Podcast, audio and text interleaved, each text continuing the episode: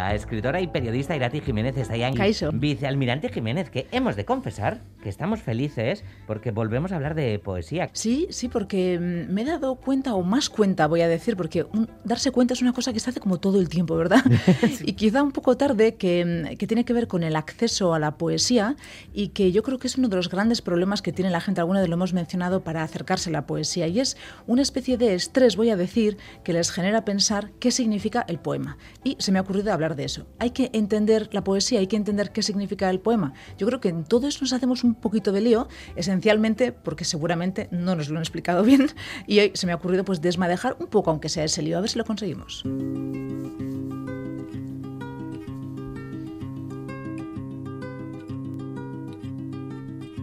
Ojalá que las hojas no te toquen el cuerpo cuando caigan. Para que no las puedas convertir en cristal.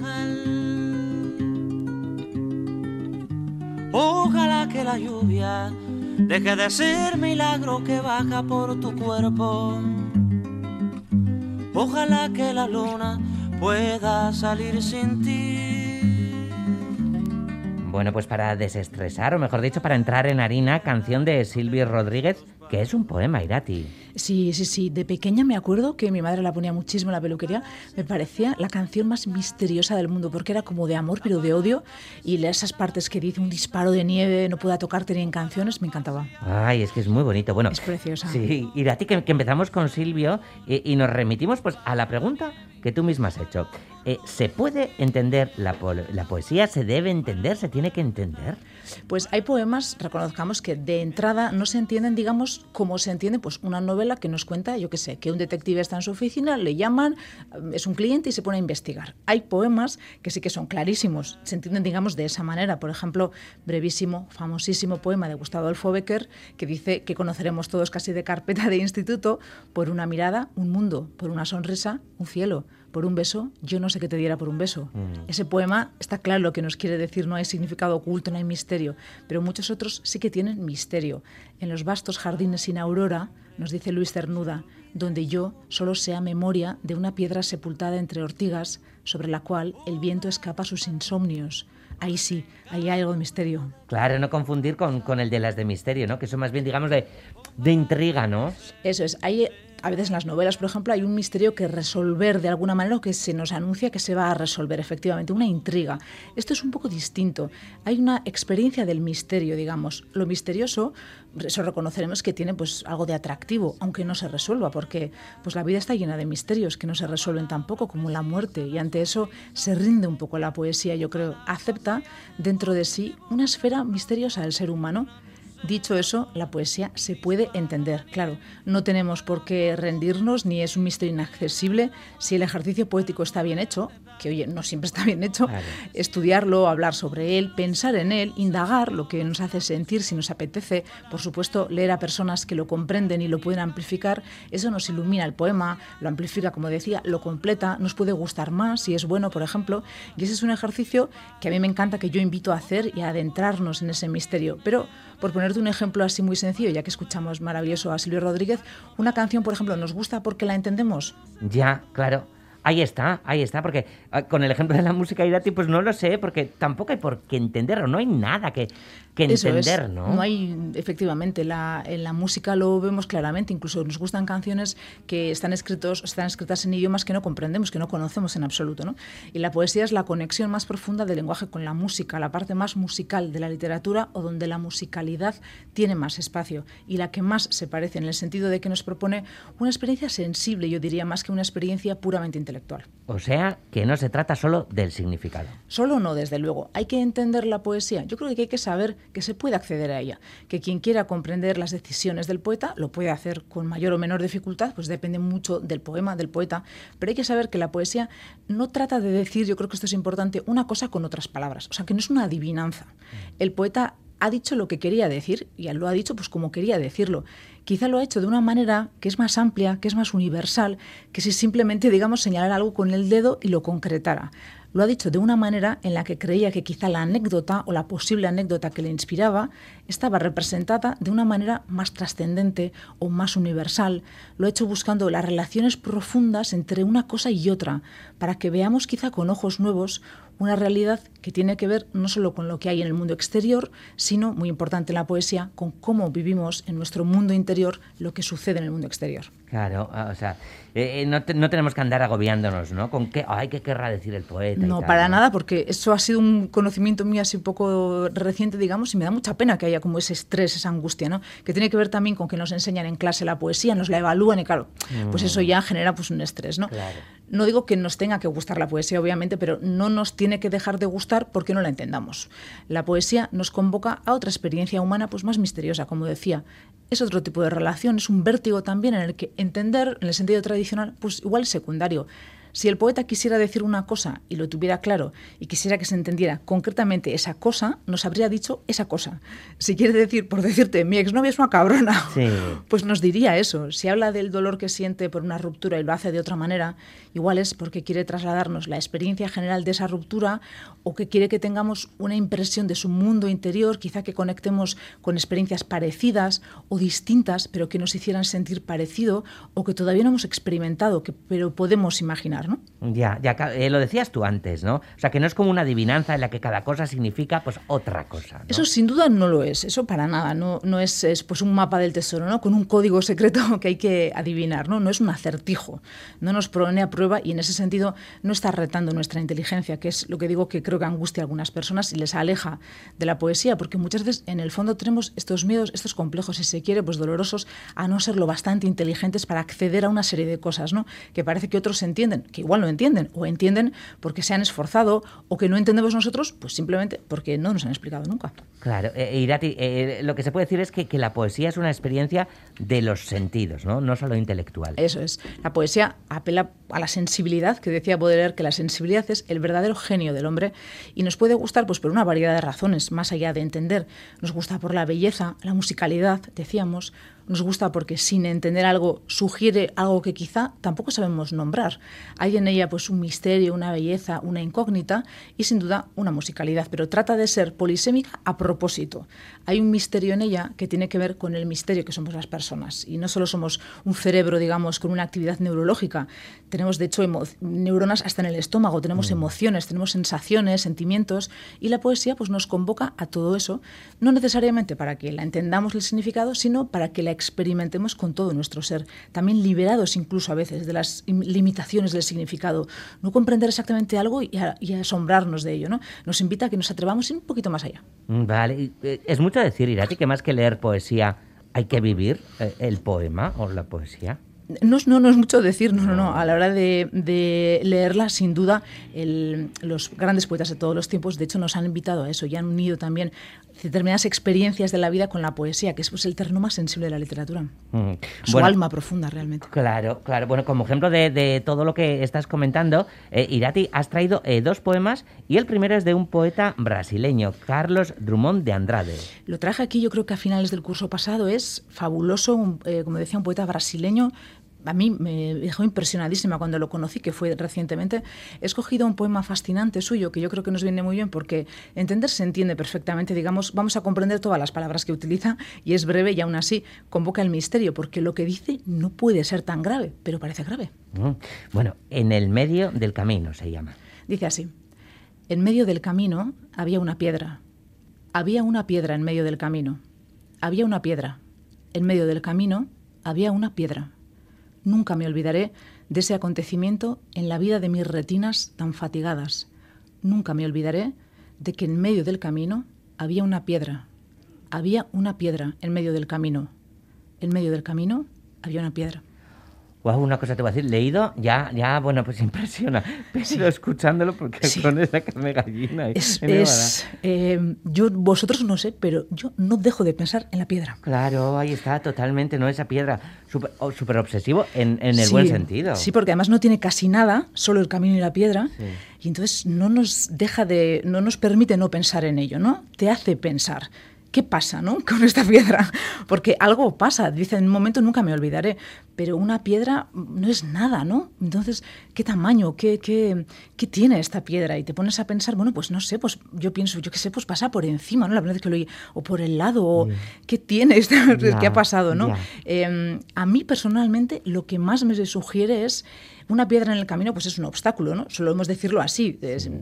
y a mí me lleva a lo poco, lo poco que nos hace falta a veces algunas personas, a veces para atascarnos en la vida, ¿no? Con nada, con nada verdaderamente, ya nos ponemos a veces en la queja, es que fíjate, es que había, es que me ha dicho, en lugar de, bueno, pues yo qué he hecho, ¿no? O en lugar de resolver, es que había una piedra en el camino, bueno, ¿y qué? Fíjate qué poderoso es el misterio en este caso, se entiende todo que hemos dicho y aún así este misterio, pero sobre todo una experiencia que genera casi un miedo porque nos convence y es un poeta que habla además del miedo muy muy bien. Sí, Jolín, e-, es inquietante desde luego. Es poderosísimo. Recuerdo la primera que tú has dicho leer en voz alta, se lo, lo leí y me impresionó tanto que estaba con Miquel Soto y se lo leí en voz alta Em, de lo que me impresionó a mí, se le puso la carne gallina realmente. Sí, es que claro, me ha pasado porque esta mañana pues, pues, pues lo hemos leído, claro, pero al escucharlo el efecto es otro, es, brutal. Por eso muchas veces, mira, lo dijimos también en el taller un poco que hicimos de cómo escribir, conviene leer lo que hemos escrito, eh, leerlo en voz alta, realmente. Y, es un ejercicio buenísimo para, para... Había un poeta que decía, pues a los perros son buenos para que se les lea, a los gatos no tanto. Sí. y a mí realmente en este en este no escuchan también los gatos. Ah, pasan bastante de nosotros. También esto está bien para la vanidad, ¿no? Para la arrogancia. Que decía Raymond Chandler. Veo a mi gato que pasa de mí y dice, ah, ¿qué estás escribiendo? y a mí en este poema me viene eh, muchas veces a la cabeza este poema en concreto. ¿no? Luego me he acordado muchas veces de La piedra en el camino porque me, me, parece importante para mí misma. A mí misma me sirve como una señal en el camino para pensar. A veces es solo una piedra en el camino y a ti te estás quedando una piedra, una piedra, en nada. ¿no? Y como todo el mundo, como yo también me atasco en las cosas pequeñas, porque para cada uno pues no son pequeñas porque son sus cosas, pues este poema me sirve a mí para eso. Claro, las piedritas, ¿no? que, que son las rocas de, de eso Es. Bueno, eh, pues vamos con el segundo poema, eh, que es de un un gran eh, poeta italiano, de Cesare Pavese. Sí, uno de los grandes de la poesía italiana del siglo XX, quizá yo creo el más conocido de todos los poetas italianos del siglo XX. Pavese es, la verdad que es conmovedor. Eh, hace una poesía muy de pocas palabras, graves palabras, sentidísimamente humana, y en el que el poeta para mí siempre me sugiere que está consiguiendo como serenidad para escribir, pero lo hace en medio de un dolor profundo y denso. Uno de sus poemas más conocidos, más bonitos, se llama en italiano y la tierra la muerte, eres la tierra y la muerte. Se ha dicho a menudo que Pavese le habla a una mujer concreta, a su amante, Constance Dowling, con la que yo sé que tuvo pues, una relación que terminó dolorosa, que terminó poco antes de que Cesare Pavese muriera por suicidio. Se ha dicho que eso, esa relación pudo ser el detonante del suicidio, pero la verdad, si os soy sincera, pues no lo sé. No lo niego tampoco, no sé si es cierto, o también es verdad que puede ser que estemos buscando pues, una respuesta sencilla al suicidio, lancemos una hipótesis que nos parece razonable y lo mismo, vete tú a saber que esto también pasa mucho. Ya, ya. Bueno, eh, eh, en todo caso, la biografía personal eh, no tiene demasiada importancia en el poema, ¿no? Claro, efectivamente. Si, si Pavese quisiera decir, pues tal mujer me hizo tal cosa, por decirte algo, pues eso es lo que diría, ¿no? Eh, sin embargo, no es eso lo que dice. Esto es lo que dice este, este poema, el comienzo solo del poema, mejor dicho. Dice, eres la tierra y la muerte. Tu estación es la oscuridad y el silencio. No vive cosa más lejana que tú del alba. Mm. Este eres la tierra y la muerte es un yo eh, hablando en primera persona, le hablas en segunda persona, perdón, a un eres, no mm. sabemos quién eres, a un tú poético al que le dice eres la tierra y la muerte. Y le dice que es lo más alejado que hay del alba, de la luz, eso es, ¿no? El poeta, esta voz que emerge, nos pone en un lugar junto a él y nos hace mirar a alguien, ¿no? Tú eres algo y le acusa de alguna manera. Eres la tierra y la muerte. En italiano es muy parecido a la musicalidad, ya que hablábamos al mes de la, de la importancia de la musicalidad no es italiano, pero como es un idioma pues, bastante transparente, sabiendo castellano, dice sei la terra la morte, la tua stagione e il buio, el silencio. Non vive cosa que più di te sia remota dall'alba. Eres la tierra y la muerte, tu estación es la oscuridad y el silencio. No vive cosa más lejana que tú del alba. Mm. Oye, ti e, es muy bonito, eh, pero súper duro también, ¿no? Decirle a alguien, eres la tierra y la muerte. Muchísimo. Es el rechazo total, es el juicio final, es inapelable. El, poeta además continúa con este tipo de afirmaciones, eres solo dolor, etcétera, ¿no? En este poema, por volver a lo que decíamos, ¿qué tenemos que entender? Bueno, nada que no esté en el poema, no tenemos por qué saber nada de la vida del poeta ni quién es, tampoco nada de fuera del poema tiene que ser necesario para el lector, porque la pieza literaria tiene que ser pues, autónoma, ¿no? Forzosamente. Si no es autónoma es que está mal hecha. Claro, también es verdad, eh, pues que no sabemos quién está detrás de ese eres, pero bueno, pues como que tampoco nos importa. No nos importa, nos interroga un poco, eso es verdad, ¿no? Mm. ¿Quién, ¿Quién eres, no? Como, como no nos lo dice, pues la pregunta nos vuelve como lo de la piedra, ¿no? Nos impresiona también. ¿Le dirías eso a alguien? Que no hay esperanza, que no tiene nada bueno, tierra y muerte y en medio nada, ¿no? Un campo del que no brota nada que merezca la pena. Cierras los ojos y le dices, tú eres la tierra y la muerte. Es poderoso en ese sentido, te hace pensar, ¿hay alguien así?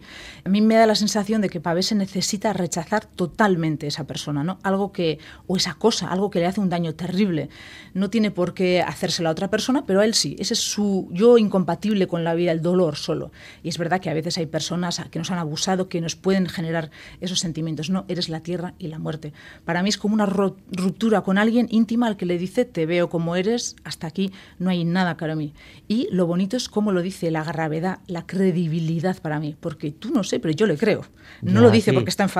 Sí, sí, totalmente, porque no hay enfado, ¿no? Tampoco parece haber rabia ni drama, ¿no? Nada, el poeta está entero, está acuerdo, está en pie. Son palabras duras, pero no son gratuitas, digamos. No es una venganza, no es el calor del momento o la rabia, ¿no? Es desde el dolor, desde la claridad y el dolor, ¿no? Yo le creo muchísimo y a mí personalmente esto, cada uno, pues también me invita a rechazar lo que pueda haber a veces en la vida para mí que sea eso, ¿no? Eh, yo le creo, pienso, este hombre ha pasado mucho, ha llegado hasta aquí, dice la verdad, tiene derecho, me convence. Y quizá eso me ayude a mí, como no sé lo que es lo suyo, quizá eso me ayude a mí alguna vez a pensar que yo también tengo derecho a ponerme en pie, a alejar algo de mí, una cosa, una persona, lo que sea, con esta finalidad, ¿no? Alejarla simplemente de mí, que es algo que nos cuesta mucho hacer. y Hiperempatizamos mucho con quien nos abusa incluso tantas veces, ¿no? Con quien no se pone en nuestro lugar y le buscamos pues mil excusas y tal, ¿no? Y hay que poner distancia a veces para que no nos hagan daño. Trascendiendo esta anécdota de su vida, digamos, la que fuera la de Pavese, el poema se vuelve en ese sentido universal, nos vale a nosotros y se vuelve pues poderoso. Pues superpoderoso. Irati, fíjate, ¿no? Lo que hemos sacado de, los dos poemas, ¿no? Wow. Bueno, o sea que eh, no entendiendo del todo lo que dice, o entendiéndolo a la manera tradicional, la cosa concreta a la que se refiere, sí o no, Irati, eh, lo importante es, o con lo que nos quedamos es con todo lo que nos da la poesía al no entender casi nos da más. La poesía rescata a las palabras un poco del maltrato diario, ¿no? las refresca también, yo creo, con su lluvia, para que signifiquen algo. Y nuestra experiencia diaria, al hablar las palabras también con nosotros mismos y con los demás, pues nos ennoblezca un poco. La poesía nos permite sumergirnos en el interior de otra persona, que es un espacio al que normalmente es muy difícil acceder en la vida, ¿no? Y en ese sentido nos humaniza, nos transporta también a los grandes espacios del alma, nos lleva allá, allá lejos, donde habite el olvido, que escribió Cernuda, nos conecta con la belleza. Hay perfumes frescos como carne de niño, escribió Baudelaire, abriendo pues los palacios de la imaginación. Nos recuerda que existe el dolor, nos conecta con la verdadera dimensión de nuestras vidas que solo se quedan los muertos, escribió Gustavo Adolfo Becker. Es un sitio al que acudir descalzos, yo creo, humildemente y del que siempre, siempre salimos más humanos. Nos recuerda, como dijo otro gran poeta, Roque Dalton, que mis venas no terminan en mí, sino en la sangre unánime de los que luchan por la vida, el amor, las cosas, el paisaje y el pan, la poesía de todos.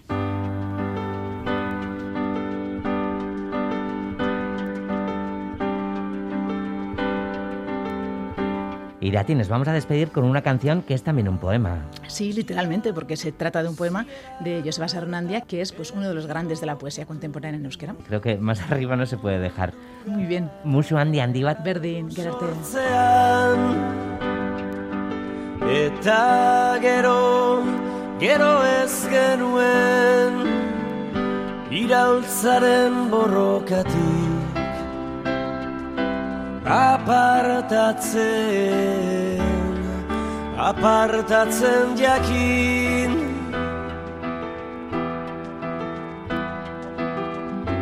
Ez nakantu bat abestu genion Se aska utxari. Takoiz batez el puertoko gartzelan esnatu ginen